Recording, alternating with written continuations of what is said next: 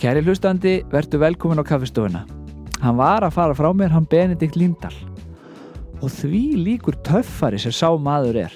Bara áran yfir gæjanum þegar hann kom hérna inn í eðfæsa stúdíóið. Það var hrikalega gaman að spjalla við hann. Við fórum út um alla trissur og þetta veldu þér ekki vonbröðin. Ég get lofa þér því.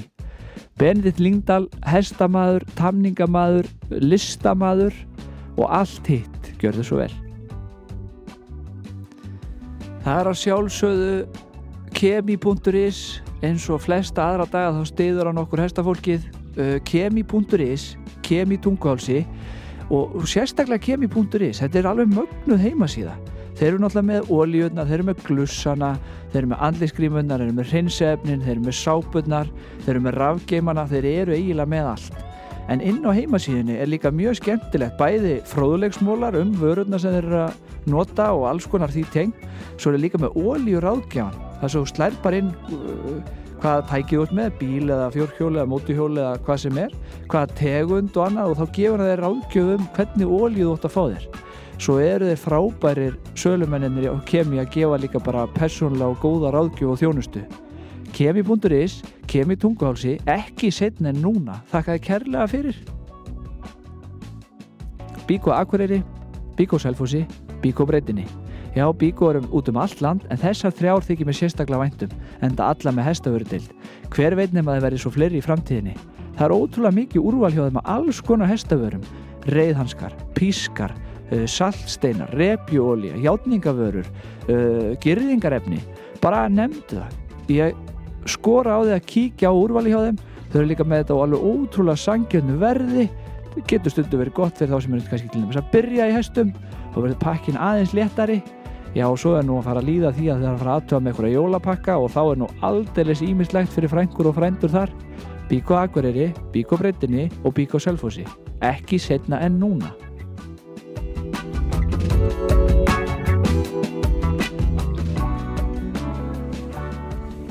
Hvað hva, hérna við erum nú aðeins búin að ræða saman áður við förum á stað hérna en, en svolítið skemmtilegt að bara eiginlega alveg fyrir tilhörlinu að, að, að þá hérna millir þess að ég ringdi í því og, og svo að, að við náðum að hittast að þá ertu búin að gefa út eitt stykki bók. Já, í fyrsta lagi sko þá eru tilhörlunir ekki til. Nei. Og hérna þetta er allt skrifað í skín og hérna já við hérna kona mín Sigriður aðstóttir við gefum út bók núna. Já sem heitir Tölum um hesta og, og hérna við skrifum hana saman þann, þannig að séð að, að, að, að hún skrifa sumt og ég sumt og, og, og einhver hluti skrifum við saman. Og hún síðan málar og teiknar eða málar í þessu tilfelli allar myndir, það er tölvöld mikið af myndum sem að stiðja við hérna, efnið en ekki, ekki þannig að sé skýringa, skýringamyndir þannig að séð. Og hún er að koma út bara í Vestlanir í dag. Já. Og hérna við erum allavega mjög sátt. Já. Hva, hvaða Vestlanir? Hvert, hvert fenn var að kaupa jólagjöfin í ár? Það er bara út um allt, það er í hestaföru veslanir og, og svo þessar helstu bara Eymundsson, bónus, samkaup og, og skilsmur um allt land sko. Það sé bara detti inn þar. Hvað er langt benni síðan að samspil kom, kom út? Er það ekki bó, bókið sem gafst síðast út? Jó, ég, sko, ég byrjaði á að gefa út tvö myndbönd sko árið 2000 þá kom út myndband um, með vinnu við ung, semst, ungir hestar frumtanning síðanlega fjögur ár þá komu önnu sem heiti Þjálfun. Og það fylgs með mér semst í nokkra mánuði með ákveðna hesta. Já. og við gerðum þetta þannig. Og, og síðan líðu síðan líðu önnu fjögur ár þá kemur út bókin, ég ætlaði alltaf að gefa út þrjú myndbönd Já. En uh, síðan langaði mér einhvern veginn að gefa út bók og geta þá í og með af og til vísað í myndböndin, einhver ákveðin aðri. Það er mikið skemmtilega að sjá það live og, og, og það er fljóðlega heldur en að þurfa að skrifa það. Og líka sko að það er svona óderari sístem með bók sko, þú, þú getur verið að það kostar bara ákveði viss mínúta í hinu það er svoleiðis, ef þú ætlar að gera svona, það vel. svona, svona raun, raunsætt sko. En í bókina getur leiftir að gefa aðeins meiri tíma fjallumálið Já, þannig að það var úr, það kom bók en það var 2008, já. 2008 svo leið og beið, það var Já. svona að vera að brasi íms og, og hérna, en ég var enga veginn búinn og, og er ekki búinn en það er ímislegt sem að sem að er, er í Einmitt. Ég var bara svona að velta fyrir mig hvort það er eitthvað sérstæð sem ítti þér á stað að láta þess að vaða núna Já, það er, það, nei, eiginlega ekki. Það er bara alltaf þetta sam, sama hérna hjá manni. Maður hefur þörf fyrir að gera eitthvað, fær hugmyndir og, og svona kannski má segja það að, að hérna við sem að höfum þó þessa reynslu að hver annar ætti að gera þetta Já, og ef einhver finnur þörf hjá sér að fylgja eftir svona hugmyndum og til þess að geta og hafa reynslu til þess og, og hérna veit hvert hann vil fara með þetta þá, þá já, í mínu tilfelli þá, þá fer maður bara á stað og, og, og svona og, og ég hef alltaf verið með gott fólk í kringum í, í, í samtið þessi verkefni og, og hérna þannig að ég hef aldrei verið neitt þannilega stressaðar með, með útkomuna sko. En við rættum það þessi áðanbenni mér er svo áhugavert sko þetta að, að öruglega tengja allir við að fá góða hugmynd og ég veit ekki hvað ég hef samið margar meistara bækur og, og vídeo og kennsluefni heima hjá mér. En, en það er þetta að láta vaða og sko fresta þig ekki bara um mánuði viðbútt og mánuði viðbútt það þarf svona það þarf alveg aðeins í að, að gera hlutin ekki bara tala um það Já, það þarf að gera það og það líka sko, þetta má ekki undurbúast á mikið sko. Er, þá, þá fara flækjust í að hækka sko. Og, og ég get sagt þessum dæmi að fyrsta, eða fyrra myndbandi þarna sem að ég gerði að þá kemur ónefndu maður til mín í heimsótt sem að er, er mjög þekktur, ég uh, ætla nú kannski ekki endilega að nafngreina hann, að, að einn okkar þekktustu kennara og, Já. og í bransanum. Já, og er annað að hérna og, og kemur í kaffi og er, að- ég er að segja hann frá þessar hugmynd og, og hann er að tala um sko hvað er þessi gríðaleg vinna bara í handritinu. Og, og hérna ég hef ekki þórað að segja við hann ennþá að það var aldrei neitt handrit. Þannig að, að, að það er þetta að, að, að fara bara inn í eitthvað ákveði flæði sem að þú hefur sjálfur reynslu af og vera trú sjálfur og, og ekki vera endilega að gera þannilega handrit af því að þú svo, hefur svo mikla ágjör að hvað aðri, öðrum finnst um hlutin sko. já Eða, ég, þetta er allavega pínlítið þannig hjá mér sko. Hugsa þetta ekki kannski um of? Nei, alls ekki sko, alls ekki, vera trúr sjálfur og, og, og, og, og hérna og það sem að ég segi gerðnan sko að mér finnst ofsalega gaman að, að, að gera eitthvað svona eða koma fram með hesta og, og raunverulega hestarnir hjálpa mér að færa rauk fyrir mínu máli. Já. life. Það, það, þetta snýst um það hjá mér allavega þá þarftu samt að hafa ótrúlega trú á, á kerfinu og hvernig þú vinnur hlutina því það hlýtur að vera líka stress í svona aðstæðum að að það er eins gott að það virki. Já, sko, það, það virkar aðeins ef að, ef að, ef að, ef að sko, meginreglan hjá mér í þessu, þessu sem sagt, starfi sem einhvers konar eh, að, sína hvernig á að gera hlutina eða leiðbenna öðrum að ég, ég reyni að vinna eins og ég kenni og kenna eins og ég vinn.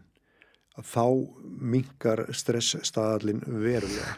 Og þá er bara að þú eru að, að vita hvað þú ert að gera og, og vita, vera búin að finna þig í einhverja ákveðinu ferli sem þú sér fyrir endan á og, og vera trúr þinni samfæringu Já. finna, finna raunverulega þína leið þína svona píliti tækni og, og, og hérna vita vita 99% hvernig hestar bregðast við og, og þú ert búin að vera með þá og, og setja þín þín uh, svolítið fingrafur á, á hestin þannig að, að hann skilur og, og hérna veit um hvað máli snýst og það er ekkit mikið verið að rökraða hlutina þannig að séð. Þetta er svona við erum að tala saman tungumál og þá getur við farið með hlutina bara gjössalega eins langt eins og vilt ef að, að hesturinn er með þér í því.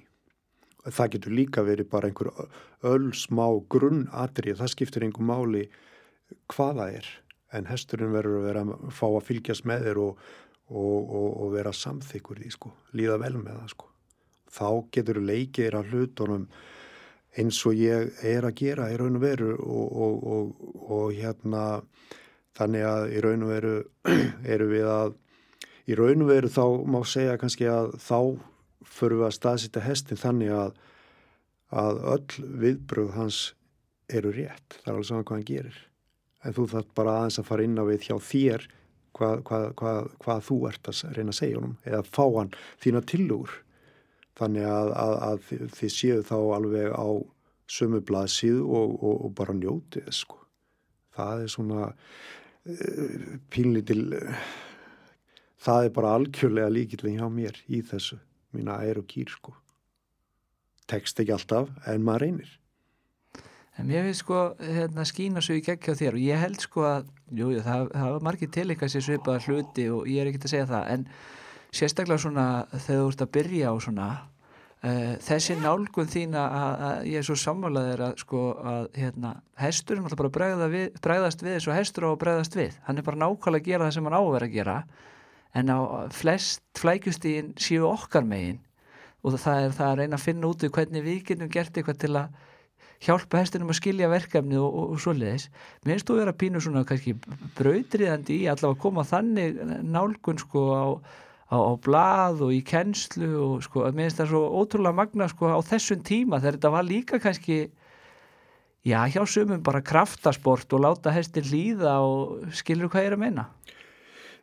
Já, ég, sko, ég, ég tel mig að hafa átt þátt í, í, í svona ímsu og, og og hérna sérstaklega komaði kannski á framfari og, og, og ég veit alveg að á góðum degi hjá, hjá bara öllum þeim sem starfa við hesta og, og hvort sem er hafa það aðtunum ekki að, að þá, þá eru þeir frábærir, þá eru við frábær öllsum og hestunum, það er kannski ekki allir sem að eru endilega meðvitaður um það en, og ekki finna það kannski en, en hestinum honum léttir svo. Þegar að þegar að, að, að við erum ekki í raun og veru að þvælast fyrir honum þegar hann bregst við, rétt við. Það sem við erum að, að leggja drög að eða, eða komið til og að einhverju, einhverju ákveðinu og, og sko það, þá komum við kannski aftur inn á að, að eða þannig að, að ég er búin að vera svolítið lengi í þessu og er enn alveg svona nokkur nöginn alveg hardcore í, í þessu og, og ég er bara svo heppin að vera það fitt og hafa ennþá það mikinn áhuga að, að geta það. Og, og það eru náttúrulega þvílik forrættiti og ég, ég met það líka. Og uh, sko Sko, sko, sko, nú er ég komin aðeins út fyrir efni, sko, en, en hérna það má, en hérna, sko, það sem að, það sem að mér kannski finnst ennþá svo gaman að, að það er að finna hvað hestarnir eru greindir, lang, lang flestir og það er umvöla Að, að þeir eru að segja mér svo oft eitthvað sem að ég kannski hef ekki alveg gert mig grein fyrir áður og, og, og hérna og það er umvel að það sem heldur mér í bransunum en þá það er að upplifa þetta bara þegar ég er ég, ég vinn mikið einn þegar ég er með hesta og, og finnst það einhvern veginn. Þá gerast oft kannski bestu hlutin er einhvern veginn hjá okkur. Og hérna að, að, að hesturinn hann verður svo fegin þegar að hann finnur að við metum greintans þetta er, þetta er svolítið svona eh, leikur af íslenskur tungu en, en, en við bara aðeins pælum í þessu sko. Og þess vegna það sem ég lærði reyndar fyrir svo bara löngu síðan það er að, að, að vannmeta ekki greintessis og, og, og náttúrulega allra náttúrulega hjá okkur mannfólkinu og allra síspötnum þannig að, að það er svona eitt sem að maður þarf að, að tilenga sér og finna og læra.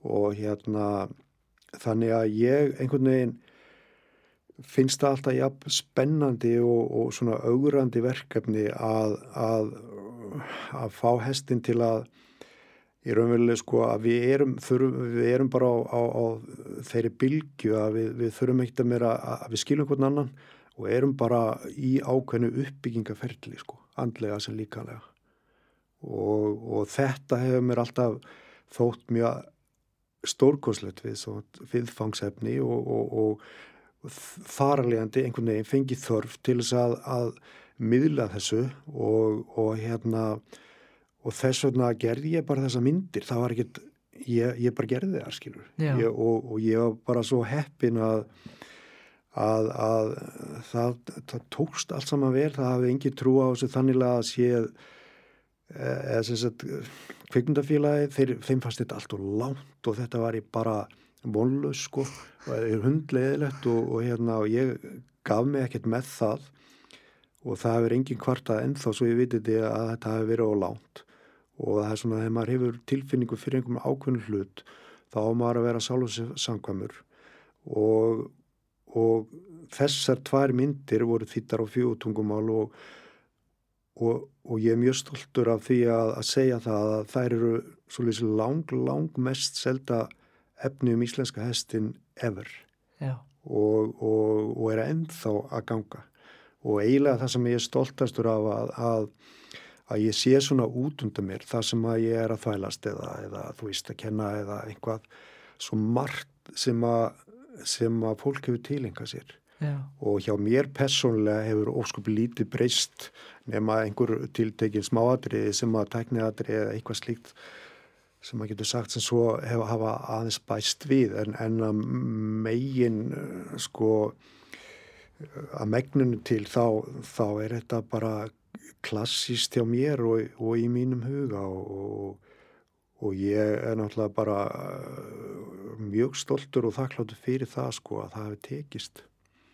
Og það þakka ég mitt eh, meðal annars þessa flottu hesta sem ég var með í þessum myndum að, að hérna þeir, við, við vorum í, í samræðum en ekki í raugraðum og, og hérna og þetta var bara svona svona samleikur eiginlega. En, en notabenn ákveðin markviðs uppbygging uh, þarna með.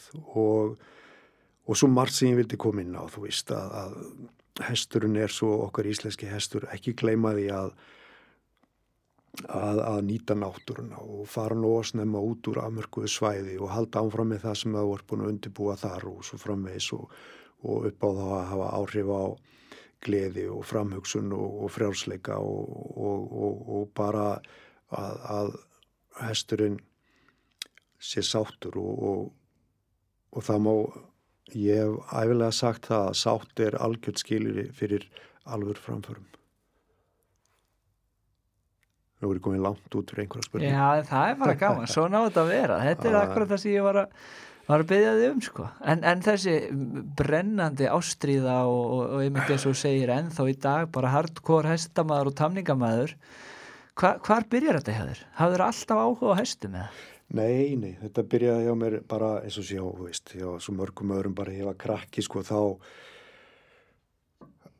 þess að ég fyrir að hessbak, það, það kveikti ekkert í mér, sko. Nei. Það var að transporta mig eitthvað uh, millir einhverja veiðistaða hérna í biskustungum. Mér fannst það í raunverulega ekkert sérstætt, sko. En, en svo kveiknaði þetta og ég var mjög miklu að veiðdela, sko. Og hérna, þá til ég var 11 ára, sko.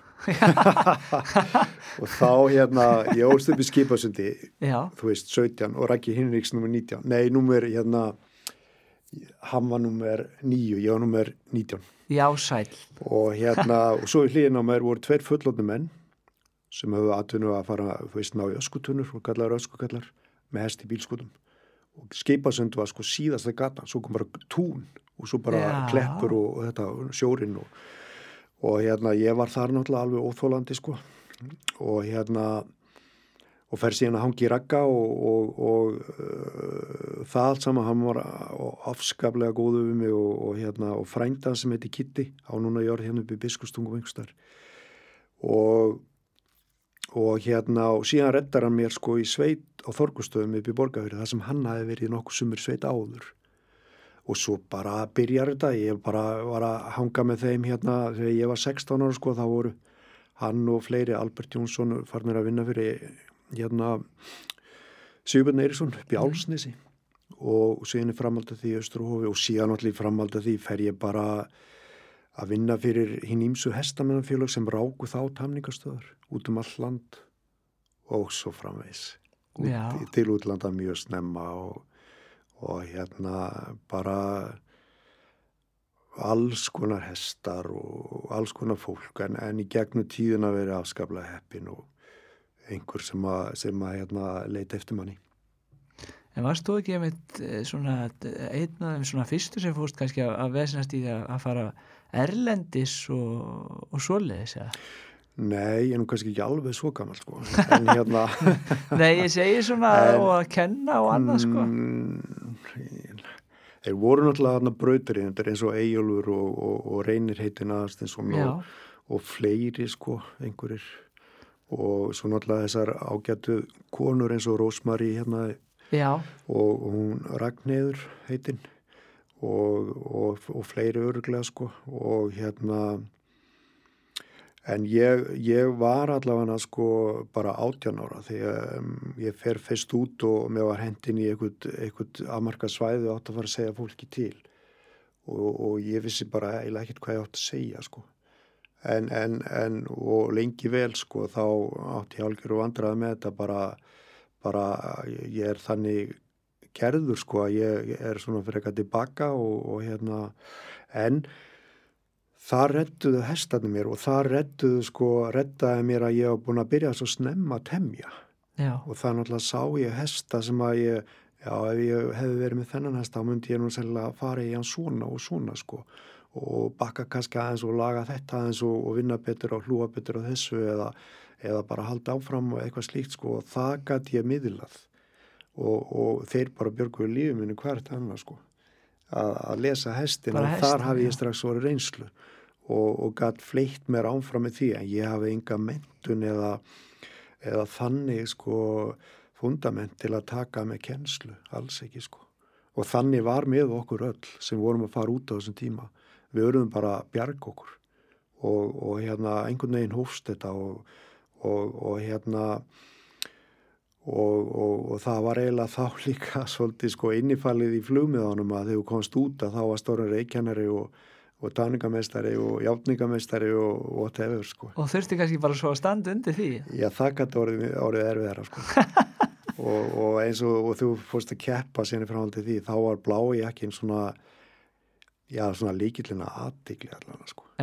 Og, og hérna á ymsanátt sko. Já. Þannig að, að hérna, e, já, og hérna, en þessi tímar voru, voru ekkit alltaf auðveldir og, og hérna en uh, reynslan hlóðst inn sko og, og stundu var maður sko bara sko hef, ég personlega sko bara rosalega kvíða sko því að ég, eins og þú sagði sjálfur aðan sko, ég er bara tamningamæður sko, já. bara tamningamæður sem er náttúrulega kæftæði sko.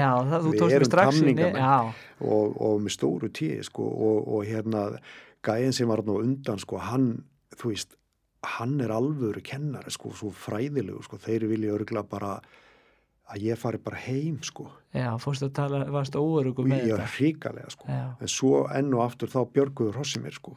Og, og það fann fólki sko, það fann það náttúrulega gegnum hestin að, að, að það var eitthvað til í þessu sko. Og hann er að, svolítið, að hlusta á hestin og við erum jú hér til þess að að hann hjálpi mér með minn hest. Og, og þannig þannig hérna hlóstu breysla og, og þannig sko leið manni svona bærlega og stundum mjög vel þegar maður var byrjaður Já. en guð með góður sko stundum áður maður byrjaður maður var bara fyrir. hvað er ég að gera hérna sko. þannig að, að með mig allavega Já, skil. ég skil alveg hvað og hérna sko.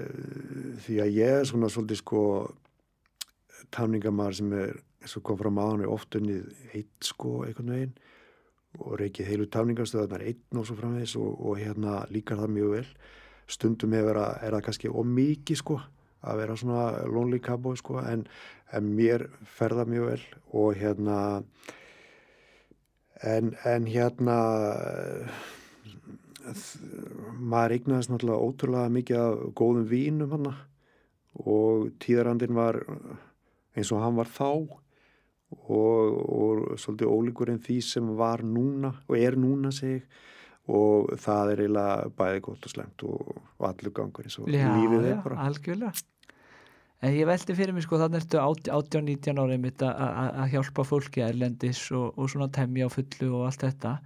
Og klálega held ég að þú tækir mestur einsluna bara út af því að kynnast sem flestum hestum, skilru en ég veldi samt fyrir mig sko uh, hvar lærið þú svona, hvar tilenga varst það eins og í vinnu hjá einhverjum eða, eða hafið þú sjálfur farið í reyðkenslu fyrir þetta eða þú veist hva, hvaðan svona kemur kannski er einhverju frekar en aðri þarna sem þú svona Nei, eiginlega ekki sko, ekki sko. Það, ég hef eiginlega, það var bara svo lítið, ég fjalla náttúrulega svolítið um þetta í bókinni sem Já, er komin út núna sko. Og ég er mjög personlegur í þeirri bók. Ok, og við, við bæði reynda við, við sigga sko.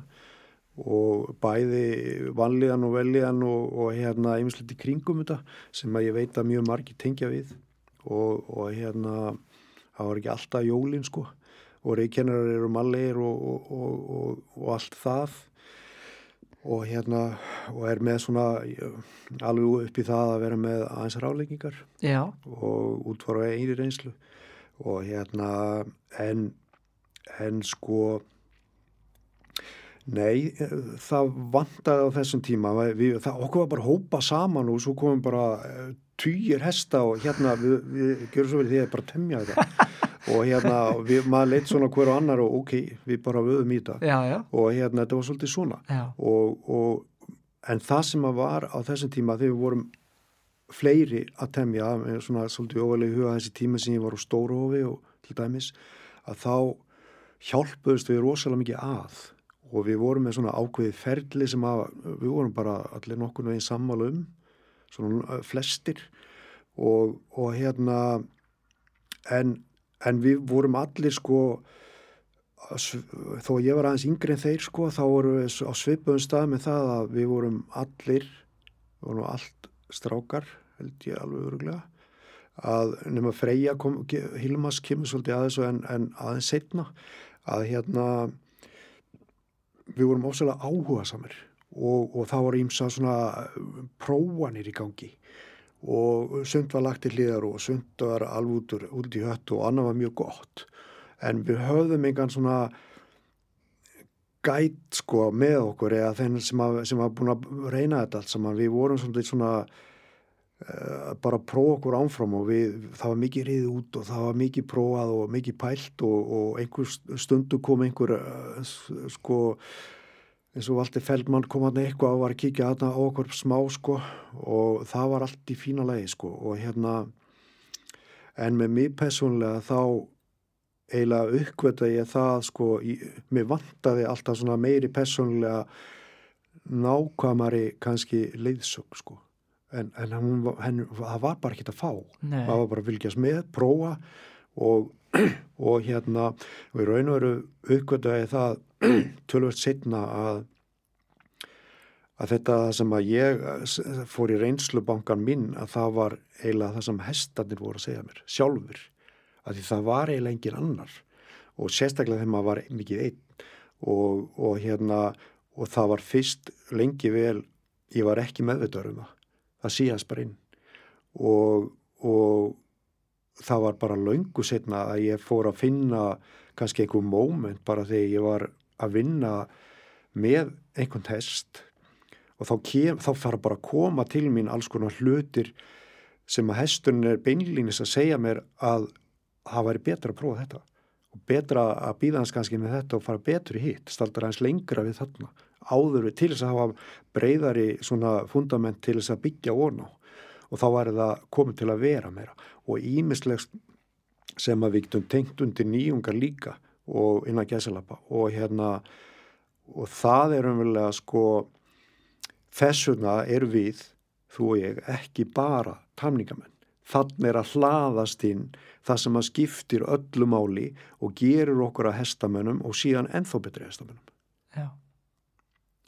og hafið það Já, þetta, já, og ég held sko líka sko að ég held samt að þú hafið þann eiginleika sko að því að það er eitt að segja það að, að hlusta á hestin, að gefa þér tíma að leifa hestinum að, að, að segja þér pínlíti hvernig hann líður og hvernig hann er og annað að ég held að marga skortir sko þólum að það er eitt að tala um það en svo raunverulega að gefa sér tíma í það dagstaglega að svona og, og kannski hjálpa það þér benni að, að hafa ekki þennan sem sagði nei ekki gera þetta svona, þetta hefur aldrei verið gert svona áður eða ekki gera þetta svona, svona gerir maður þetta ekki, maður bindir hennar svona og eitthvað að þá kannski með svona við, nú að finna íslenskoðinu fyrir mig, svona trial and error bara að, að reyna og takast ekki að reyna og takast að, að þannig bjóstu þér til kannski eitthvað svona samskiptakerfi. Já, sko ég, ég hérna skal segja er fyrst lengi vel ef við höldum okkur aðeins við kennsluna sko Já. þá ég held að hluta til að ég hef verið svona óörugur af því að ég var ekki búin að finna mína leið og var svona eitthvað þreina fyrir mér og, og, og eitthvað svona en ég tel mig samt alltaf að hafa verið sangkvæma sjálfur mér og, og er voða mikið svolítið svo ég er ekkit mikið fyrir að, að ekki beint að fara í spór annara ef, ef ég er ekki samfærður um það og, og þeir sem þekkja mig þeir, þeir vita það. Og, og hérna þess vegna kannski hef ég áorku ákveðnu í þessu sem ég vil kalla fræslu og skemmti efni sko. Þó þetta sem er komið. Og hérna en, en sko síðan fann ég mína leið. Bæði ákveðið ferli í uppbyggingu á ungum hesti alveg uh, eftir mínum hugmyndum hvaða ætti að taka langa tíma uh, hvaða, hvaða handbragð á það að vera, vera á þessu uh, hvaða, hvað, hvaða víþorf sem er náttúrulega bara skilningur á, á, á eðli hessins og, og síðan, síðan, síðan nálgun út frá því öll sumun og, og upp í alveg, alveg sko efsta stík sem að ég svona ákveðna skoðun á líka sko. Og hérna og þegar ég fann fann mig svona þá létti mér svo gríðarlega einhvern veginn að ég var búin að vera bæði meðvitað og ómeðvitað leitandi.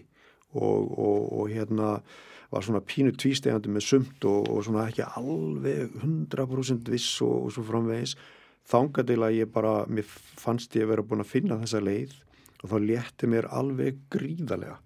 Og þá, þá var þetta ekkert mál fyrir mér og þá get ég svona gengið að einhverju vísu uh, en, og, og hérna, en samt sem áður en þá daginn í dag að þá ef ég er með hesta í, í hjá mér í, í, í þjálfun og, og, hérna eða framhalstamningu eða hvaða nú er að ef ég það kemur alveg fyrir að ég er ekki alveg 100% viss hvernig ég ætla að haga þessu með útbúnað eða hjálpningu eða, eða, eða hvað mikið af þessu og hvað mikið af undirbúningi og ég er svona, ég er í einhverja daga, jáfnvel vikur að þreyfa fyrir mér.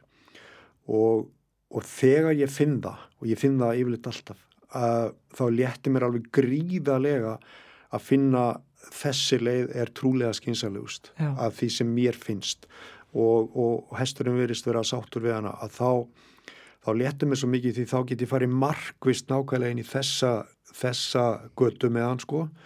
Og hérna og, og ég og, og þess vegna þegar maður verður svona pínu óvis að því það er metnaður í mér er gríðalegu metnaður að, að, að, að gera þetta vel og hérna það líkur minn metnaður í raun og veru og, og, og hérna og ég, þetta heldur mér á tánum. Þetta heldur mér svolítið á tánum að vanda mig og, og vera svolítið lifandi og fall ekki eitthvað, eitthvað þægilegt sko að því að maður er að eldast eða eitthvað kæftæði sko.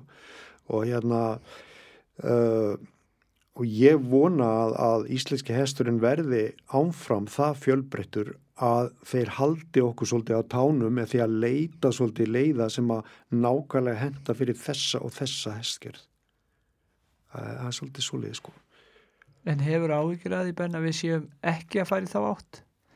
Ég, sko, ég hef raun og veru ekki þannig að sé áhyggjur sko. Ég, ég, sko, það er núna svona sko hundrasunum er að til að ungu fólki sem er þvílíkt efnilegt en var sko þegar ég var ungu sko. Þannig að kannski miklu meira um þetta núna heldur en þá og, og leiðsögn og skólar og, og, og allt það sko sem bara er að finna góða. En við þurfum samt aðeins að passa okkur að, að hérna að, að vera með hestin sko inn í þessu þessu náttúrulega eðlis flæði, skinnjun og annað sem, að, sem honum er eiginlegt og, og, og, og passa okkur á öllu sem að heitir sko Excel-skjál sko. Og ef að segja alveg svo er að þá þá ég er reyndar bara alveg vissu um að, að hesturinn allir hestar þeir finnast við mannfólkið vera afskaplega vanþróð já og, og ég raukst í það með því að við notum orð til að tjá okkur. Þeir hafa engin orð. En þeir hafa eðlis næmni eðlis skinnjun út frá sínu hjarðeðli og, og næmni til að, til að skinnja okkar líðan og okkar, okkar, okkar uh, bara uh, vanlíðan, veljan eða, eða hvort við erum að feika eitthvað. Og, og ef við erum sko líður djöfulega og við ætlum að fara að temja og, og hérna það er eitthvað sem er að verulega ángur okkur og við erum að reyna að líta út fyrir að allt í lagi, hesturinn skinjar hýtt en hann fær hýtt og hann skilur ekki alveg þessi tvöföldu skilabúð og verður óörugur og, og að því hann svo næmur. Og fyrir utan það að, að, að því að við svona ef við vitum ekki og skinnjum ekki hvað hesturinn er rosalega næmur og greindur eins og ég var að tala um á þann að þá er kemur það fyrir sem er kannski algengast það sem við gerum vittlust þegar við erum að, að nálgast hesting hvort sem er frá jörðið og anfrá við verðum of sein í öllum viðbröðum og um leið og, og við verðum of sein hesturinn er löngu búin að skilja eða bregðast við eða, eða, eða er, er, er, hefur eitthvað í bígerð fari yfir í aðra gangtegund eða, eða, eða eitthvað, eitthvað ennþá vera að, að þá verðum við á sein, við verðum á sein með umbun þegar hann bregst rétt við, þá erum við farin að þvælast fyrir hestinum. Og um leið verðum við minna áhugaverði í hans augum. Já. og þá fjallaðist við óþalega mikið eitthvað sem heitir samspil. Og þetta er svona eitt af þessum einn af þessum sko múrsteinum í fundamentinu sko sem að við verðum að gera okkur grein fyrir og bara gjöru svo vel og vanda okkur sko. Því að ef við gerum þetta ekki, við fyrsta lagi verðum við að gera okkur grein fyrir þessu, hafa þetta viðþorf og þennan skilning og vera bara heiðaleg gagvar testunum að, að þá líka verðum við aldrei betri. Við bara verðum þarna cirka og, og þá þá, þá ná ekki þessu fína samspilu og þessu, þessir æðislegu útgeistlun frá hestinu þar sem að, að við erum bara buddy sko, það er, það er engi leitói beint. Og, og hérna og þá förum við kannski að sjá þú veist, menn hægt að spyrja hestin Já. og fara bara að krefjast nú og, og, og allt sko. Og hversu, hversu áhugaverður hestamæður er maður þá sko. Eða viltu verða ennþá betri heldur en í gær? Þetta er bara, þú veist sem þú verður að vega og meta fólk verður að vega og meta sjálft. Og, og hérna skiptur engum máli hvort út aðtunum aður ekki. Og, og hérna þetta finnst mér, þetta heldur mér á tánum sko. Og, og hérna þetta er, þetta er endalust verkefni og Þetta heldur mér á tánum vegna þess að þegar að ég lendi því að, að þetta er, er svona búin að vera með hesta einhver tíma eða ég vil bara fyrir kortir í síðan og við náum strax saman út af þessum fósundum þá feist mér lífið bara æðislegt sko. Mér leðist ekki að tala um gæðinga og eitt þeirra er sleipnir. Fullunafni heitir hann sleipnir hestaflutningar og þau eru svo sannlega ekki að baki dottin. Það eru tíðindi þar á bæ en þau Hulda Björk og Emil hafa tekið við rekstri sleipni hestaflutninga og það er alltaf gott þegar gott fólk tekur við á góðu fólki og Emil og Huldabjörg ætla svo sannlega að keira þetta áfram. Þau eru dugleg á samfélagsmiðlunum, Instagram og Facebook, það er hægt að hafa samband við þau, þau eru mjög þjónustulunduð, þau eru til að gera alls konar fyrir fólk, þau ætla að reyna að þjónusta allt Ísland, voru til dæmis um daginn að taka frábara ferð frá eigilstöðum, þannig að bara heyrið í þeim, sleipmin hestaflutningar.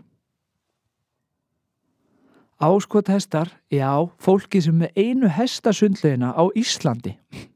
Hvað er svona magna við það að þjálfa hest í sundi?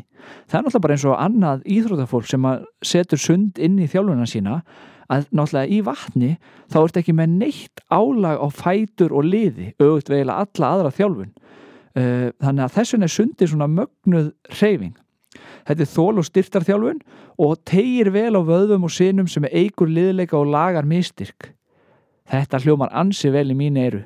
Skeltur í laugina ekki setn en strax. Áskot hestar. En það er einmitt þetta sko, en það, sko, það væri ekkit gaman ef þetta væri bara alltaf, þú veist að þú talar einmitt um kvíði og svo finnur þú nei ég geti þetta og, og líður betur og, og svo eins í þjálfunni ekkert að gerast og svo gerist allt og svona. En ef það væri alltaf allt að gerast bara þá væri þetta náttúrulega ekkit gaman. Þetta verður að vera lærdómur og svo upp og niður og ert ekki sammála með því skilur það er lærdómur í mistökunum og, og það, er, það er alltaf læga inn á milla efast pínulítið að maður getur svo samfært sömu að maður sé, jú þetta er nú örgulega réttir í leið og, og svo framvegis. Jú, það er, það er örgulega þannig sko og, og sko við, við erum öll mannleg og, og við gerum öll místök og, við erum öll einhverjum augnablíkum erum við ósangjöfn og svo framvís og út af einhverju kæftæði sko. Og hérna og þá hefur maður tök til að, til að, til að gera betur. Maður viðkynir að þetta var nú bara búlsitt sko, nú ætla ég að, að gera þetta öðruvísi eða gera, láta þetta ekki koma svona ofta fyrir. En það alvesta þegar þú gerir mistök og þér er skýt sama. Já, einmitt. Það er vest Það er vest Það verður ekki sama, það skiptir náttúrulega öllu máli. Já Því að ég held að við áttum okkur á því strax við gerum öll mistök, það mun aldrei vera þannig að maður ger ekki eitthvað mistök en að maður geti þá leðrætti og sé ekki saman um þau. Já, það er bara þannig. Já. En sko hérna það er svolítið út að kenna og temja og er náttúrulega búin að vera mikið erlendis allt þitt líf bæðið við kennslu og, og önnur störf, er það ekki? Kanski ekki, þú veist, ekki, ekki svona, ekki rosalega mikið en, en, en sko meðan ég og Sigga, kona mín, vorum svona byggjað upp uh, jörðin upp stað, borgari, þá Hvenar flytið þanga fyrir ekki? Hvenar byrjiði þar? Sko ég kemði þanga fyrst, þá er ég 23 ára þegar ég kaupi jörna sko. Já, var hérna, það ekki svolítið áttak? En það var bara eins og myndunar og eitthvað, maður bara kýldi að, maður pældi ekki til maður. Kekja, svona átt sko, að vera. Það kannski svona til gama sko að þá fór ég hérna með, ég átti, ég kom frá Hotnafyrði árið áður, búin að temja þar, kaupi mér stórt hesthús í Gusti, góðbúi, tem þar við veturinn frétti svo einhverju jörð, mér langar alltaf, þú veist, sveitamæður í mér og allt það. Förum upp yfir hérna ég og þrýr kunningja mínir og leitum upp yfir þessa jörð og mér leist æðislega vel á heimriðina. Kemur svona beigja, beinbraut, svo aðeins halli upp og svo bara húsin. Þetta var drauma aðstæða að byggja upp skeið og ég bara þessa jörð kaupi ég. Og var það bara heimriðin? Já, ég, við stoppum fyrir utan og ég fyrir inn, það var svona einsettum aðeins sem bjóð þarna gammal. Ég kem út eftir korter og búin að kaupa jörðina. Já. Og ég kem, er komið með hrossin upp eftir þrjár vikur, kallin fekk að vera aðeins sumari og ég legg á því ég kem hérna og ætla að fara að ríða um jörðina og skoða hana þá er hún svo blöyt að það er ekki tækt að ríða um jörðina. Og ég var ekki eins og búin að kíkja út í útúsin eða neitt Nei, sko. það er bara, þú fannst bara, þetta er bara málið. Bara út af heimriðinni, heimriðinni. það var ekkit verið að flækja þetta en svo kemur Sigga setna hana inn í, inn í þetta dæmi sem var síðan okkar. Og þá var það svolítið þannig að, að var temja yfirveiturinn og svo voru langar hestaferðir um sumarið. Já. og milli hestaferðana þá var maður að reyna að keppa eða heia Já. keppnishestarnir voru rekni með, það var engin annar tími. Og svo þegar þetta var búið þá hoppaði maður upp í flugul og var höstið að harka á þetta sko. Það var í í nokkur öllu, já, bara í öllu. Já, já, og brannstu út í þessu eða? örglega nokkur sinnum. Já. Þetta sem kallast kulnun í starfi í dag.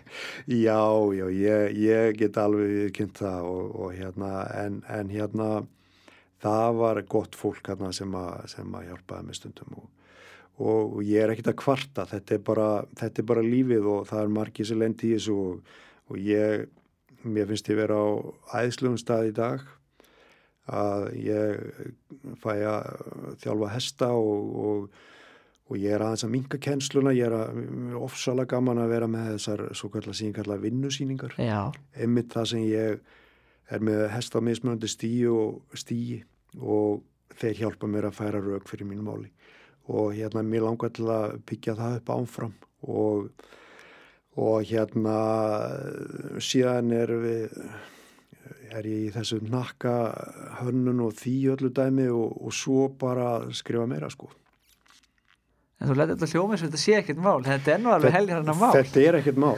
Ef, ef þú hefur þörf fyrir það og hefur gaman að og, en þetta verður mál reyndar ef þú ert með ómikið í takinu sko. Já, það er- getur orðið ómikið Já, alveg mjög mjög fljótlega sko. Þa, það er ekki derfitt sko. En sko 23 ára að bara Já. kaupa jörð bara Já. og nýbúin að kaupa hestus í gustu og selja það og kaupa jörð og þetta Já. er ekkert mál en samt á þessum tíma er það samt sko eiginlega valla, eh, fólk vill eða valla að maður geti kallað að vinna að vinna við hesta þú veist, Nei. sást alveg fyrir þér að geta borgað þetta og þú veist, nú veist ég bara ég fyrir pældi ekki því sko. Nei, og ég hérna ég, ég er sko allt annað en einhver viðskiptajöfur sko. já, það, það, var í synd að segja að ég var eitthvað slíkt sko. þannig að auðvitað hjálpaði sko aðeins mamma gamla og, Já, og, já, já, og, og allt svoleiðis eins og fóruldra að gera stundu við börn sín en, en einhvern veginn þetta bara hafðist sko já, en líka eins og þú segir þú greinlega alveg tilbúin að leggja vinnun í það það er þú veist, allt þetta sem þú varst að gera er náttúrulega bara til að reyna að láta þetta ganga líka en það ekki? Jú, jú, jú, au- auðvitað sko. Og, og hérna eh, auðvitað sko. En, en hérna svo náttúrulega, þú veist það er ekki saman hvernig fólk er í kringu þig. Ég er náttúrulega rosalega heppin og, og hérna með það sama sko. En, en mína fjölskyldu annað og bara æðislega heppin sko. Það er ekki vist ég væri á sama stað Nei, Annars, nei, sko. einmitt, Ma- það, það er fólk í kringu sig sem er að pæla í svipuðum hlutum Já og bara þú veist, eh, þú veist, uh, ég veit ekki hvernig orða, það, bara sem að eru samstíga og, og, og, og við erum að tala sama tungumál og Já, eh, svipa viðhorf til, til lífsins og annað sko. en sko hérna, þessi hnakka hérna, æventýri, mér langar að heyra eitthvað á bak við það, það þetta er náttúrulega þú, þú ert bara með ákveðna línu hjá stubben. Stubben er náttúrulega bara uh, hérna, na- er það svissnæst fyrirtæki Benni? Það er, það er raunverulega þýst fyrirtæki Þýskt? en þeir síðan eh, mynduðu hérna, eða stofnuðu vesmiðu líka í Sviss. Já, er reynda búin að samina aftur, samina aftur í Þísklandi en það var bara eins og með allt annað sko, þess að það segja að tilvílun er ekki til.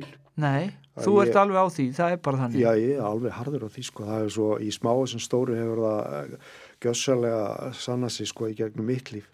Og, og, og hérna mér bara vantaði nakk og, og, og sko ég var búin að vera í 20 ári sem margir þá með, með gördsnakk sko sem að Það voru allir búin að vera að tala um að hann væri góður eins og harður og eitthvað svona og minn var bara mjúkur og fýtt sko. Og svo kekkaði á hann og þá var hann tvíbrotinn sko. já, já, hérna, þannig að ég hef búin að prófa fullt hann og fann mig ekki í neinu eins og gengur og gerist verið að rífa menn úr einhverjum göflum hnakk. Þannig að ég var að vinna út í Sviss og, og ferða ánga inn í Vestmiðuna og þeir reytti alveg heilum dag í mig og smíði einhvern hnakk fyrir mig og, og hann var bara rosa góður og ég var sáttur og svo fór fólk að prófa þetta og svo allt innu var ég búin að stopna fyrirtæki um þetta og, og við erum búin að starfa saman núna held ég 23 ár. Já, vá. Og, og eru alltaf með eitthvað sem við erum að Pæla, tálka til og, og, og koma með og svona sko, gengi bara bara, myndi ég segja, bara vel sko. Já, sko ég myndi segja því að nú hef ég komið til Sviss og búin að vera þar í fjóra mánuði samtals í tvö skipti og þetta er pínlítið eins og að koma til Argentínu þar sem allir er í messiból það eru allir í stubben nakk allavega sem ég hittu Nei, því miður þá var ekki kannski alveg svo leiðis. Það tilfinningi var þannig að það voru bara allir í stöpun að vissi allir hver Benni var. Ég veit að, já, það ekki nú flestir hérna í hestunum, sko, en, en, en hérna, ég veit að innveitandi þinn er í, tryggur okkur hérna. En, en hérna, en, en þú veist, það eru komir uh, síharnandi samkeppni og, og Og, og bara, bara fullt af frambarlegum nökkum. Þannig að sé að þá eru við komið meira út í smáadri og, gæði og eitthvað svona sko. En það er bara eins og það á að vera sko En ég er öðruglega kannski með, með hvernig hljóma svona spjalla við þig sko að, að þú að, að, það er ekkit svo langt sem þú komst með naks og prófaði að slíti sundur. Já, það er reyndar svo humund kemur ekki frá mér Hún kemur ekki, ekki frá því? Ekki frá stuppin heldur, heldur öðrun sem að baða um að framlega þetta fyrir sig. Já. Og átti patenti á því. Það var að maður klófin alveg frá nakknefi og aftur úr. Ég prófaði að setjast í svona nakk, það var mjög skrítið sko. Mér ágæði bara að spyrja því hvernig já, það hefði virkað. Það er mjög skrítið sko. Ég var ofsalega hrifin að sér hugmynd. Já. Það þýði það að bakveðarnir undir, sérstaklega undir aftasta hluta naksis að hann, þeir, þeir sem eru staðsetið þar, þeir, þeir hérna reyfast upp og nýður og ég vildi, ef mér fannst áhugavert að þetta skildi sko að nakkurinn gæfi þá eftir í sikurlegi og sérstaklega var mér einhvern veginn langaði til að prófa þetta á fljótum hérna skeiðastum, hvort er eruðu hugsalega halvurinn segundu, einni segundu fljótar Það myndi nú breyta öllu, sko, hérna, munum við það í kafrið en, en hérna því miður að þá, þá stöðvaðist þetta vegna þess að, að patentgæin og, og Vestmeðan fór einhverja fílu Æ. og hérna og þetta var ekki virki var ekki framleitt hjá þeim og ég var með ákveðna hugmyndir yfir sætuslínuna og, og skipti mér af því að því að, að, að svona ég var mitt nafn bara þarna við sögu. Og þetta einhvern veginn bara gufaði upp sko. Já og ég á einn pröfunhaka eftir sem ég nota svona alltaf á kantinu sko. Eða æðislegt að finna þetta til hans og feti og hægu tölti hjá sumum hestum sko. Þannig að hún notar hann alveg? Já, já ég er svona með hann á kantinu já. sko. Seilist í hann svona meira til gama seila Þurftu ekki að láta korna prófan á kjark eða eitthvað sjá hvort það geti hérna rofið eitthvað með Jú, það sko það var í spurning sko Það væri gaman. En hérna, ég, ég var alveg komið, ég meiri sig að leta hann hérna Gumma Einars, það var svona. Já. En ég veit ekki alveg hvort hann virkilega sko til lengri tíma. Reynda á það, pröfa það. Já, vegna þess að hann var náttúrulega, var í nakk sem hann var búin að gera ægislega hluti með sagt, á, já, á sínum já. hesti. Og það er ekkit sko sjálfsagt að menn fara að rísikera einhverju sko fyrir einhverja tilruna sem er sko starfsemi fyrir einhvern annan eða hugsalega eða kannski þegar hann er með eitthvað sem hann er bara nokkuð Virkab, sko. já, já, það er erfitt ég skil það mjög vel en, en það einhvern veginn sopnaði líka Þetta var svolítið svona skemmtileg hugmynd. Eru, eru fleiri svona hugmyndi sem að Nei, ekki svona róttaka maður. Það er ekki sko. En, en nei, nei, það er bara sjálfsagt þess að ég og mörgum öðrum að menn eru svona að, að, að þykra sér bara uh, til vinstri hægri og ánfram með ímislegt bara. Hva, Hvað sér þið fyrir þér svona gæti orðið staðistu breytingarna svona í framtíðin? Er eitthvað svo heldur að, að þykja hlægilegt eftir 50 ár sem við erum að gera í dag? Sko ekki beint sko. En, en ég, það er mjög langt síðan mér að, að sko hefur fundist og verið svolítið mín ósk og ekkert rosalega vel hugsað sko. En, en að hlutir sem að eru þannilega sko. Að, að það eru hlutir sem að ég veit að, að hérna eru ekki hestfannir sem að sem að ég er á, sem er, hefur verið notað, sumt að þið er farið, sumt að þið er ennþá. Ég vil ekki endilega vera að tjá mig um hvaða nákvæmlega er, en ég er, ég er alveg vissum það og óvonaða að eftir einhver ár eða einhver tíma, kannski stittri, þá eru þessi hlutir svona hallarisleir. Og þá bara hverfa þér. Þú, hver vil vera hallarislegur? Engin. Nei og þessuna meðal annars að aftur kem ég enn og aftur inn á þetta sem þú sagði og kynntir sem já, bara tamningar svo ég, ég aðeins, sé rosalegt í því. Já, það er líka fínt sko. Mund eftir því. Að hérna, að hérna þú veist, það hefur verið kannski svolítið svona vika að fínt að láta þennan frum, frumdæmi að það er svo gott að taka við hestum frá honum. Já. það verður svolítið soliðis og hann er bara hverki sínilegur Nei. ég eitt markmiði mitt við að mörgum við að vera með þessa vinnusýningar oft með svona unga hesta og svo ætla ég meir í framtíðin að vera með vinnuhesta nei hérna vinnusýningar sem eru með hesta sem eru konni lengra og svo framvegis ímislegt annað. En ég tel mig og, og vil eiga þáttu því að gera frumtanningasvalar já, ekki hallærislegar eða undirbúa Nei. fyrir einhvern annan. Þannig að, að þetta er sem við þurfum að, að hlúa að að þeir sem eru að vinna mikið með unga hesta að þeir bara fái þann heiðu skili sem, að, sem þeir eiga skilið? Þetta er, En fáum mikil, þann þetta er heiður, skilurðu. mikilvægasta mikilvægasta ferlið í, í tamningu og hesti, það er Það- frumtamningin. það byggist allt og það. Og það er svo fyndi, ég var að fara að ræða þetta við þið því að uh, ég og kærasta mér, við temjum, frumtemjum heilmikið á, á, á haustin, þetta er nú orðið svolítið svona bundi við þá ástíð já, og ég ætlaði einmitt að ræða það við það því það er á undanhaldi, það eru færri og færri sem taka að sér beilinins í frumtanningu flestir frumtemja sínross og, og ekki mikið fyrir aðra.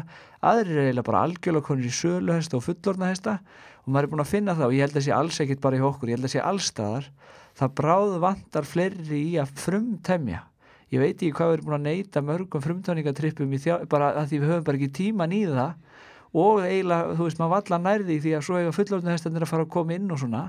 Og, og þá er ekki að meina bara hjá, okkur heldur bara að það vantar bara það eru bara fáir að frumtemja Ertu sammálið því? Eða finnur já, ég þekki það ekki svo, svo, svo vel sko en, en, en hérna ég get sagt sem uh, þér í, í samingi við það sem ég sagði áðan sko að, að ég veit um fólk sem að bara núna í haust sem hefur komið á þessa vinnusýningar hjá mér Já, þrælmagnað fólk, atvinnufólk sem að bara bara rosalega langum með að fara að vinna með unga hesta aftur. Já, bara að sjá sagt, skemmtilega nálgun sem er, er svona ákveðin músík í sko.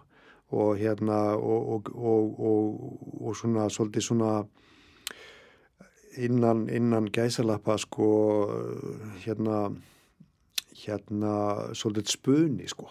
Bara engin viðbröð hessins eru raung sko en bara hvað ætlar að gera í þessu sko. Og hérna svolítið þannig og, og hérna svolítið pínu spennandi sko. Og, og en samt sem áður hefur viðkomandi sko nánast allt í hendi sér. Eða eða, eða, eða, eða bregst þannig við að, að, að það verður bara þannig en breytir það, sveigjarlegur og, og, og, tilbúin og er ekki að þvælast fyrir hestinum og svo framvegis. En, en sko leið og menn sjá þetta svolítið þá, þá verður þessi grunnvinna áhuga sem fyrir alla sem að virkilega eru hestamenn. Og, og, og hérna en, en ég veit ekki alveg hvað ég á að segja sko, ég, ég hefur alltaf, ég er náttúrulega frumtamningum aður í, í, í grunn og, og, verð það alltaf. Og, hérna og það er umvillega sko þannig bara eins og þú varst að segja að, að áðan að, að hérna þetta byggist allt á að frumtamningin takist vel er það ekki alveg við okkur að við þurfum að vera góði frumtanningamenn til að geta uh, byggt ón á það sem reyðmenn ég held að það sé bara nákvæmlega það sama. Og ef einhver sem er, hefur aldrei sko öðlast reynslu í einhverjum tugum frumtamningarhossa það vantar ákveðin kabla það vantar ákveðin kabla í fundamenti til að byggja á það hann verður aldrei svo sami og hinn. Það er staðrind þannig að, að allt þetta ferli fyrir hest og mann í samantöfu unga hesta þar byrjar þetta sko. En það endar ekki þar. Og mér finnst þetta einmitt svo, svo, svo rétt hjá þau sko að, að, að það, það er mjög krefjandi fyrir þjálfara að mínum að, að þjálfa fullorinn hest sem er búin að þjálfa í langan tíma. Það getur verið mjög krefjandi. En það er ekki síður krefjandi og eiginlega meira krefjandi þegar maður er í þessum frumtæningum því að þau eru svo fljóta að lesa bæði þess að þú gerir rétt og svo hefur þú ert að gera eitthvað mistök og annað og maður þarf að vera allan tíman á tánum og þetta er eins og litli krakka sem er að byrja að labba ef maður bara gleymi sér í eina sekund þá er þið fann í hináttina og maður þarf að hugsa þrjú skref fram í tíman og, og fyrir mig þá er ég eiginlega, maður getur verið hvað mest á tánum á þessum tíma bara þú ert að hugsa út í svo margt sko. Já, það, það er alveg rétt sko og mér, það sem ég nefndi einhvern veginn áðan að, að það sem að ég hef líka lært svolítið að, að þegar að hesturinn er fann að bregðast við sem ungur hestur að við skulum leifonum aðeins að staldra þar lengur við en við gerum almennt. Það er alltaf þessi tímapressa að má ekki vera nema svo og svo langan tíma út af einhverjum örum og svo framvegis en, en við skulum staldra svolítið þar við þannig að hesturinn hvað ég segja finni svolítið sjálfan sig og, og finni svolítið sjálfur hversu megnugur hann er áður með að fyrir að vaða í hann að, að byggja um næsta skrif það getur hleyftu öllu upp þannig að, að, að hann verður einfallega að fara ástæðu til að vera tortrygin og, og verður óörugur en að, að staldra, það, þetta er bara sko, einfalt og eðlilegt. Bara, skulum segja, jafnvægi á gántöfundum, skulum segja uh, sko, aðeins meiri svegarleika aðeins meira eitthvað. Leifum honum að staldra við það sem hann er jákvæður svolítinn tíma, höldum áfram að vera duglega að þjálfa og ríða og allt þetta sko og teima og, lóksera og allt þetta dæmi sko. En ekki flýt okkur alltaf að fara ok, hann er komið þetta, nú er tíma að fara bara anslengra sko. Það eru oft oft mistök mjög oft, þá nærðu aldrei þessum, þessum, þessum að eitt leiði til annars og hesturinn sem svolítið örugum með sjálfansi og, og hafi ákveðna útgeislun með að við þar sem hann er stattur í, í sinni, sinni lífsveinslu sko við mannin ég held að þetta sé gríðalegt aðri og hvort sem það er sko hestur sem að er alveg að byrja eða ég vil eldri hestur. Mér finnst þetta frábært hérna frábær setning að gera frumtanningar töff aftur. Ég held að það sé verðut verkefni og flott verkefni. Ég, ég sko, ég er alveg samfarið um það sko og hérna ég minna ég er nú ekki endilega mikið fyrir það sko það sem ég ætla að segja núna en, en við á ælendi sko þá kefti frumtanningum og, og bara, þú veist, með ákveðinu útfæslu og, hérna, og miklu mistarar sem að taka það þátt sko. En það er kannski meira svona, þú veist, þú farið einhvern mústang og svo þetta gera reyðfaran á, já, já, á, á 30 hérna, dögum eða eitthvað eða þremdögum sko. það er kannski full rætt eða eitthvað. En af hverju getur við ekki um gert en, svoleiðis eitthvað, af hverju hefur ekki gengið upp hjá okkur að við erum alltaf sko Íslendinga, það má ekki miklu breyta. Að það kemur eitthvað nýtt og þarf það langan tíma til að einhvern veginn að synga inn sko. En af hverju er ekki þetta segi bara á haustin þegar þetta svona er hvað mest af hverju getur ekki verið eitthvað 30 frumtanningakeppni bara eins og maður sér einmitt, maður hefur séð svona það sem hefur verið að koma með og þeir eru búin að kenna hestunum að stígu upp á pallbílinn hjá sér og ég veit ekki hvað og hvað, þetta er ótrúlega flott og þetta er áhörundavænt og þetta er skemmtilegt. Sko ég bara, mér finnst þetta rosa góð hummitjáður og, og hérna og þetta væri sko, það var þetta að hafa í skemmtilegri, þú veist, umhverfi reyðhöll eða eitthvað sko bara búa til eitthvað svona verkefni sko það sem að e, þetta snýst ekki bara um gangtegundur og bara um eitthvað, þú veist, það sem við erum kannski vöna sjá, það getur verið að svo allt mögulegt og svo eru bara einhverjir uh, reynd, reynd fólk sem að, sem að vegur og metur þetta og, og, og, og uh, sko afkust er svo mískilin, þau eru yfirleitt í einhverju, einhverju sko Eh, römbingi eða hraða eða einhverju sko að, að dansa létta og hægu á lausum taum eða eitthvað sko það eru svakalega afkvöst og við þurfum aðeins að breyta hugafari í tengslu við þetta afkvöst mm. og, og hérna það getur verið svo margt. Og, og bara afkvöst hvað hesturinn er mikið hjá þér sko þegar þú ert að vinna með hann. Og það eru bara ákveðið sameigilega afkvöst og hérna Uh, mér finnst þetta rosalega og ég ætla bara að byggja þig um að þróa þetta ánfram og gera þetta veruleika. Og, og, og þínum félögum og fólki, ekki félögum heldur þínum samstagsfólki og, og hérna uh, og það er eitt sem að væri svolítið gaman að, að koma að sem ég ætla að gera bara að við erum með reyðmaðurinn sem er bara góðra gældavert og hérna en mér langar að sjá tamningamadurinn svipa ná og, og þá erum við að tala um bara þú veist að vinna nálgun með unga hesta algjörlega yfir lengri tíma og einhverja einhvert fjölda og, og uh, bara þú veist að, að, að, að þróa það upp í eitthvað rosalega skemmtilegt og líka að þetta sé fyrir þeim sem vilja og hafa áhuga á hestinum og, og, og vinna með unga hesta og auðvitað eru ákveðnar ákveðin, þú veist, skiliri þannig að maðurinn þarf að vera nokkuð fitt og, og, og, og þannig að út að slísa hættu og öðru Já, en já, það er það að rosalega margir sem að það þarf að útfæra þetta og kannski, þú veist, það þarf að útfæra þetta. En ég sakna þess það er gert í langa tíma. Ég var svo að, akkur gerir þetta bara ekki sjálfur? Það var það sem ég ætlaði að segja næst. Já, svo bara, veist það, ég nenni ekki. Nei, ég er bara, ég ég, er með eitthvað núna sem að Já. ég svona held sæmilega utanum en, en það þarf einhver að gera og algjörlega. Einhver bara fullur og eldmóði í þessu að byggja upp svona nám og ég er alveg, ég bara veit að þetta er í vinsælt það vantar ekki sko. þú Nei. sér bara í þessu örfáðu skipti sem að félagin er að bjóða upp á frumtalningarnámski það er stúd fullt á þau öll sömul það, er, það vantar ekki sko. okay. þetta er svona kannski bara einmitt þess að segja, þetta er útfæsluna að gera þetta svona aðeins uh, þannig bara að það fær ekki illa eða annað að, að þú veist bara stilla aðstæðan þannig að, að, að þetta gangi allt saman vel en mikið óskaplega held ég að væri, væri skemmtilegt sko. Sko það þarf trúlega að fá, eða, ég veit ekkert um það, ég hef ekki hugsað þetta þannig en það, þetta þarf að vera sko eitthvað sem er viðkjönd eins og reymaðurinn, það er náttúrulega í samvættu endurmöntunar Já. deild kvannir er þetta ekki lampunarháls og, og ég veit ekki hvernig það er Nei, nei. en það er að vera eitthvað sem að sem að væru bara viðkjönd almennt Algjörlega. og, og, og um, því að þetta kostar allt peninga og Já, þetta kostar tíma og, og, og hestakost og annað. Og þetta er bara eitthvað sem er tekið mjög alvarlega og faglega. Og væri skemmtilegt. Mjög, ekki síðast en ekki síst.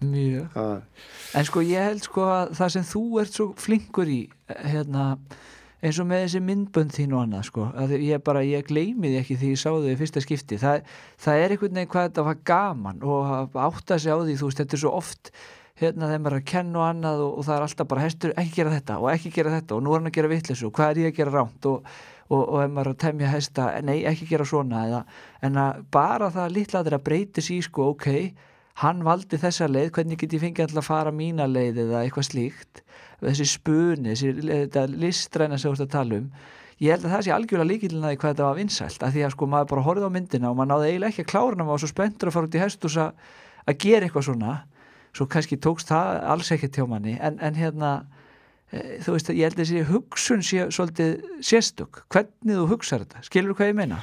já, ég held það nú sko en, en sko það er líka svolítið í þessu með nálgurna og, og það er að hesturinn hafi líka tilluguritt og, og hann kannski segir stundum sko, eh, ég er ekki alveg tilbúin í þetta sko en ég get aðeins gert þetta og þarna eða, eða bara aðeins í sér leið og þú verður að skinja þetta og leif honum.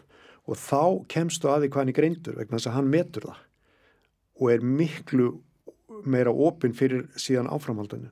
Og, og þetta er þessi stóri líkil, kannski svo stæðist eða mínum mati. Og hérna og svo þarf að vera ákveðin húmor í þessu. Hestar hafa húmor og ég er alveg, ég er mjög hissa að engi græðastu skulle ekki heita húmor eins og allt þetta nafna við þessi sko. Og hérna, þeir hafa húmor og, og, og þá eru að vera passlega fyndin sko. Og hérna, og eftirgefanlegur og sveigalegur og hlæja þeim stundur líka. Og þú veist, þetta þetta er svo margbleitilegt og, og getur verið svo æðislegt ef, ef að ef við leiðum bara hestinum að fylgjast með allan tíman sko. Og, og, og hérna og þú mátt aldrei koma um á óvart raunverulega þess að, að ein megin sko leiðsögn mín er að eitt leið til hans og, og hesturinn sko kannist við og, og tengi saman og fá að vera með í þessu ferðalagi sko.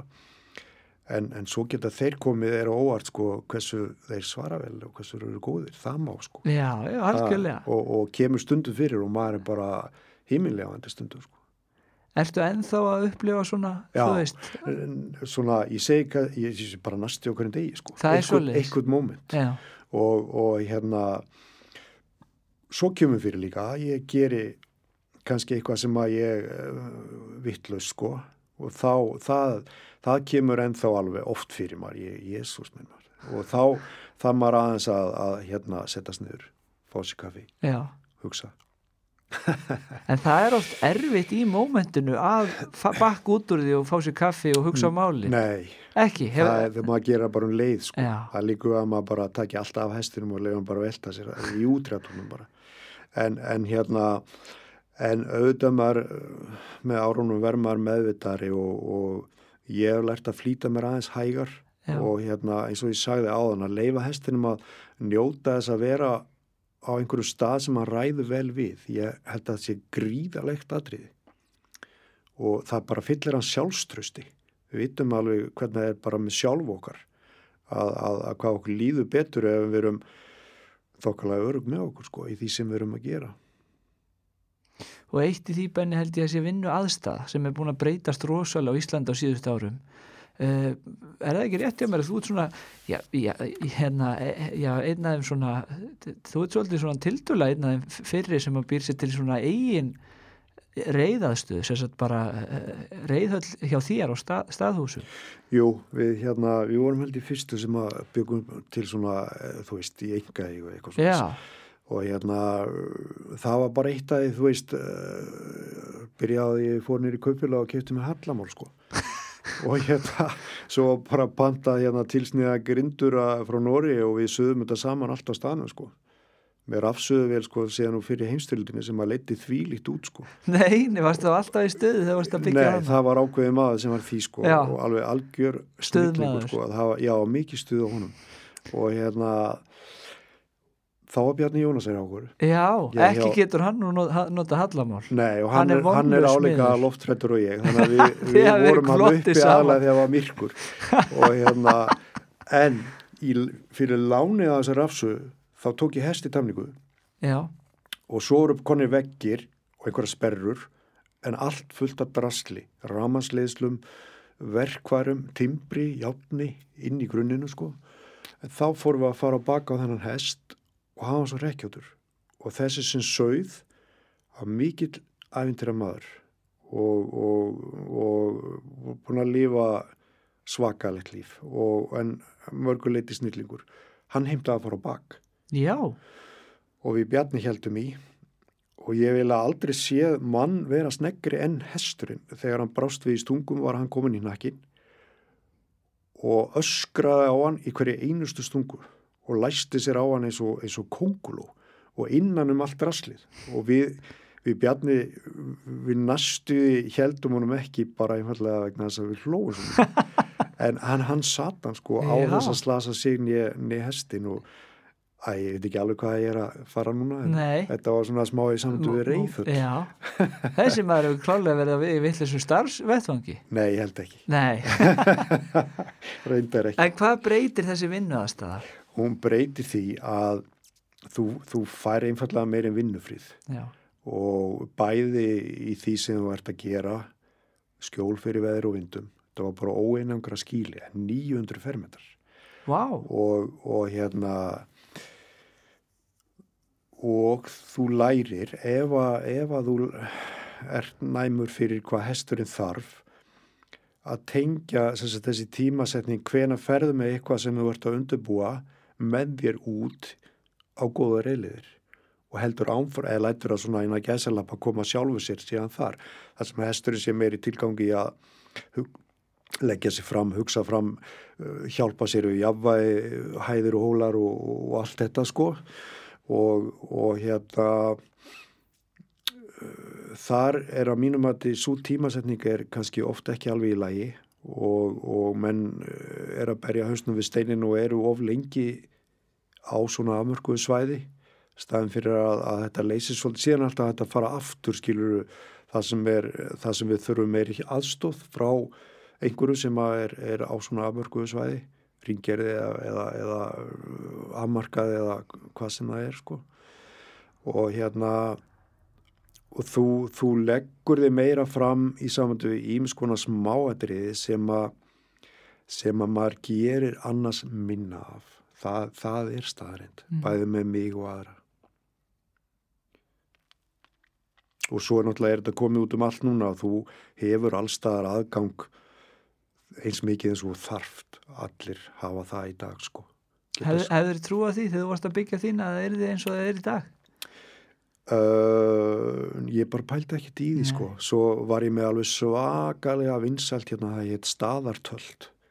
Já, eða við sigga sko, þá Já. vorum við með bekki í miðjunni.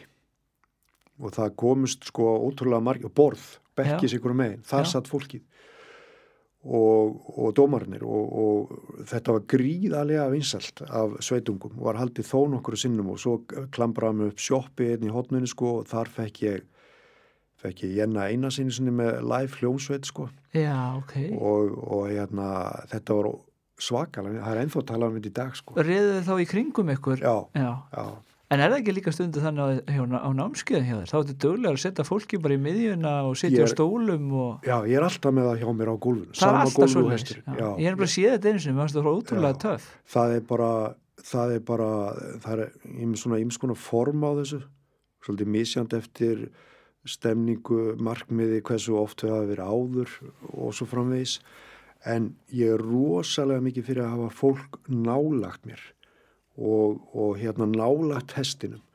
Og, og hérna það bara er það er önnur ára í kringum fólkið, í kringum hestin sem, að, sem er verið að vinna með, í kringum mig þegar fólkið, þá verður þetta svolítið svona sameileg ára sko.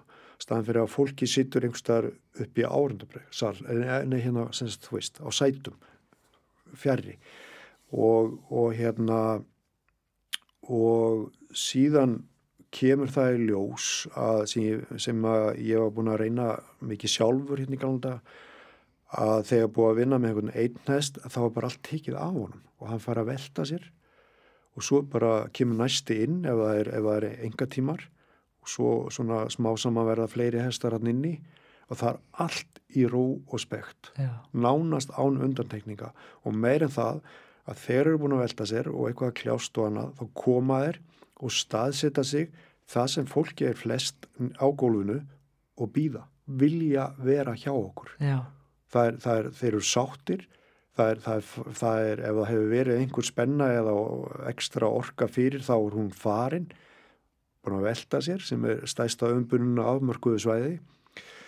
Og, og það er oft stórkoslegt að fylgjast með hestunum. Það það er og, og eitt liður í þessu er að fólkið sjáu þetta. Svo, svo oft nýti ég þessa hesta sem er á gólfinu fyrir hína sem er að ríða að fara að þeim klappa þeim ofanfrá ríði kringu þá, smala þeim. Hversu, hversu mjúkur hversu góður ert í hraðabreytingum á tölti, hversu góður ert í stökk að fara upp á stökk lalala og nota hérna hestana. Þá verður þetta allt svona svona live, Já. aðteglisvert, áhugavert uh, fyrir hestana sem er á gólfinu, fyrir hestin sem heldur á einhverjum knappa og, og reyðmennskan er alltaf þarna fyrir hendi, hún er nummer 1, 2 og 3 og þar fylgist ég með á kantinum og þá fyrir þetta alltaf að hafa tilgang í sjálfu sér Algjörlega. Já, En þú gerir, þú fljótur að búa til einhverja upplifan. Þú verðist hugsa mjög mikið svona listrænt. ég, ég er svona ég er svona vill vera svona, ég á auðvöld með að, að, að tjá mig í gegnum svona performer Já. og, og hérna uh, og ég vil að hesturinn sé svolítið, svolítið líka sko og takki þátt í því. Já. og, og, og hérna ég finn oft einhverja bara algjörlega ekki hugsaða leiðir á mómentinu, á staðnum Já. Þá verður þetta til kannski. þá er þetta til Já. Og þá Og- kemur það bara með reynslunni og annað. Já, þá er eitthvað sem bakka mann upp sko og, og þessi á, ár hann á úti kannski einhver stað sem var alveg að skýta á sig og þá, þá hérna bara, kemur þetta allt heim og sama sko. Já. 48 ára af alls konar reynslu í, sem atvinnum tafningamæður. Já, jésus maður. Hva, hvað stendur svona upp úr í því? Ég veist að ég veit það ekki. Ég, ég veit það ekki. Ég, ég held bara að einhver stað þegar ég er einn á einhverju góðri reyðileg, kannski í mýgandi rigningu eitthvað sko að bara ég og hesturinn eitthvað sko. Já. Ég held að sé ennþá þannig sko. Já. og mér finnst það bara ég þarf ekkert meira sko, það er þið fínt mest. og, og það er ekkert endilega sko þau skipti sem að hefur gengið vel á mótu með eitthvað svoleiðis, það, það kemur ekki til mín einhvern veginn Ég ætlaði að spyrja þig sko keppnis og síningamæðurinn Benni, þú gerði törluvert af því og þeir gekk vel, þú hefur farið á heimsmeistaramót og Evropameistaramót og verið á landsmóti og sínt hross í flotta dóma og annað. En, en maður hefur svona tilfinninguna þinn liggi ekkit endilega þar. Bæði og sko, það er, það er einhvern veginn atvikaðist þannig að, að, að ég svona fór meira út í þetta að, að sem við erum búin að vera að tala um sko búa til þessi efni og vinna með unga hesta og allt þetta sko og það, það Íslendikar er svolítið fljóttir að gleima líka sko. Um leið og ert ekki bara allstar og hverki sko þá, nei, hann er ekkert í þessum hann er bara í hínu og, fljótt að gerast, og, fljótt að gerast og svona. Og mér var svo sem alveg sama sko þannig því ég sko minn metnaður líkur í að að raunverulega að ég verði ekki síðri í dag heldur en ég var í gær bara alveg saman hvaða hestur það er. Og, og, og að hlutin sé ekki yfirbúskendir þar líkur minn metnaður en ekki einhverju glingri sko. Og, og hérna, þó það sé fínt líka sko.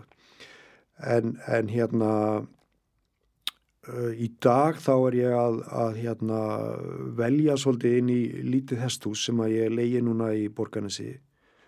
Og þar er ég ætla ég að breyta svolítið, fyrst þú kemur inn á þetta, ætla ég að breyta þessum áherslur að þar fara bara inn gæðingar Já. og ekki margir og, og hérna mér langar til þess að, að aðeins að, að banka aðná dittnarættur og ég er ekki að tala um að ég sé að þú veist keppa við, við, við þetta ágæta fólk allt til dæmis í kynbúta dómum og því öllu sko ég er svo sem enga sérstakar löngu til þess. En mér langar til að bara vera með góða hesta og ef að tilfinningin er rétt þá er ég alveg til með að mæta einhverstað sko. Ja, er, keppa bara við sjálfaði þar náttúrulega þess vegna sko og, og bara ég hef ekkert pælt í að þannlega segja ég bara finn mig ennþá alveg að vera til í hvað sem er sko.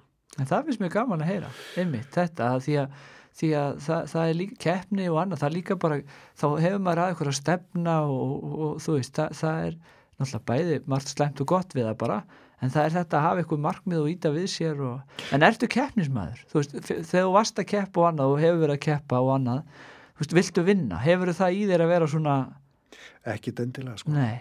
Ég, hérna, mér fannst oft í þessi skipti sem að ég vann sko að einhver annar hefði átt að taka það sko en hérna en hérna uh, skal ég segja er hvað ætlaði ég að segja sko? Já en, en hérna það er líka kannski út af því að þegar maður byrjaði í þessum bransa sko að þá var ekkert mikið um keppni, ekki alveg þarna fyrst. Maður var bara að reyka tamningastöð. Já. Og svo var kannski eitt fjóðsmóti eitthvað og þá þá kefti maður og, og svo framvegs en núna er þetta náttúrulega út um allt og, og allt öðru krak sumkörun já, krakkar eru aldrei upp frá bassaldri í, í keppni og, og með sína kost og galla sko í því litum til, það er vand með farið og þarf að vera eitthvað meira en bara það og svo framvegs, sem betur fyrir vita þann flestir. En, en hérna ég er aðalega keppnismæður bara ég er metnaði fullur að, að vera á tánum og, og standa mig. Ég er ekkit endilega keppnismæður þannig, þú veist, að uh, vera á vellinum og vinna. Ekkit endilega, en þó klæja mig aðeins að, að, að hérna, ég veit ekkit í hvaða formið það verður, en, en trúlega verður að mest í því formi að, að vera með einhverjar svona skemmtilegar vinnusýningar og með Já. materiál sem er að sína á einhvern annan hátt en bara eh, á ringvelli eða annað sko hvað við raunlega getum gert með, með þennan æðislega hest sko. Það er, það, þar klæja mig sko.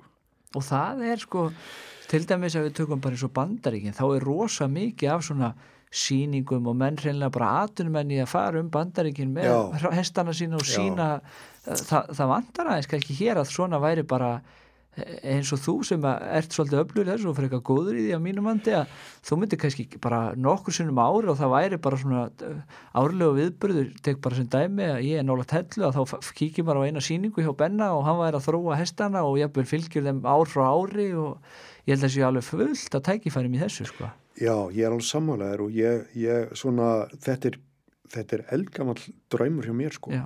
og ég var búin að ákveða eitt ári sko að allt sumarið þá var ég bara með stóra hestakerru og færi sko bara hringin sko. Já. og væri sko það var alveg sama hvort það var sko pínlítið hestafíla eða lengst, inn, í breytal eða e, með, með fullri virðingu fyrir þeim Já, æðislir og eða einhvers staðar annar staðar eða stórt á akkurir eitthvað. Og bara væri í þessu Jafnvel nokkri bæir eitthvað sem tekið sér bara saman og einn höll og þetta er þetta sko. að gera benni. Og, og, og þetta er eins og annað sko sem að ég á eftir að gera og ég hérna þú veist bara hundurinn og kötturinn og allt með sko, algjörlega, engar áhyggjur það, ég sé fyrir mér eitthvað svona plaggat með þessu sem væri límt upp í hérna, búðunum og plásónum og... við græðum það saman. Já, já. Þa, nei, þetta er, Nei, ég er, ég er ekki að fýbla sko. Ég, ég hérna og ætla mér að gera þetta og síðan sko það er svona svona jáfnvel konar upp hugmyndi með að ég að komi svona ákveðnir ungi strákar með mér í þetta og, og það verður bara svona eins og Vili Nelson tekur með sér unga tónlistasinni já. og því gera eitthvað sniðut sko. Algjörlega, þannig að, að ég er það er ímislegt sem að er verið að spá í sko. Þetta er svakalega spennandi. Já, það er eitt sem ég verða að spá, hérna, spurja þig út í og, og mér langar náttúrulega helst að vera með þér hérna í tvo daga sko, ég á nógu eftir en, en hérna einhvers stað verður mann líka að passa sig að að ég fæði kannski einhvern tíðan bara aftur það væri hrikalega gaman þegar þú ert á svona ringferð en hérna eh, ég verða að spurja þig út í þessi eh, hérna hvað heitir það eftir það heitir hérna eh, geitalab í góðum fíling. Já. Sem var, er ekki sigga konaðin svona meiri yfir því eða hvað, eða fær Jú, bara að fara með er þér líka? Hún er í félagskap sem heitir Goat Crazy Goat Crazy. Og hérna er alþjóðlegur. Og hérna þetta er náttúrulega í fyrsta lagi alveg afskaplega skemmtilega skepnur og við erum bara með gelta hafra í þessu. Já, og þetta er bara einfallega líður í að, að lifa af jörðinni já, þar sem við búum. Já, og þeir teimast ofsalega vel og þeir eru svo skemmtilegir og vinalegir og, og, og, og við búum þannig að, að maður sér alla sko nágranna, það er svo mikið plás, Já. engin umferð, sérst ekki þjóðvugur eða bílar eða neitt.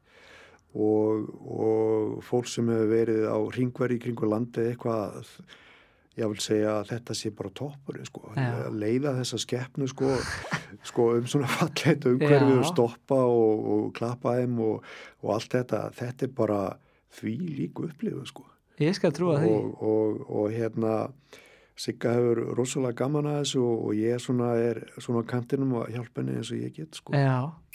Einhvern tíma þegar maður keira þarna framhjá þá var maður að taka svona lapp, það er alveg að ekki finna spurning sko. Ég hérna skal bara á eftir sína einhvern hesta eitthvað líka. Það var það alltaf að gera svoleiðis sem maður kemur í það Og ekki? það, það, sko, það er gömurregla að koma bara svona óvænt eitthvað svona fólk sem er í bransanum já, fá sér kaffi og svo er alltaf lagt á einn hest. Það, það getur verið ungur hestur, það getur verið eldri hestur og bara bara showtime sko. Það, það, ekki, ég er ekki að tala um sko það er bara einhver Nei, svona hvað er stattu með Já. þennan hest? Mér langaði til að sína ykkur hann. Ég rækta hann eða mér finnst hann áhuga verið út af einhverju sko.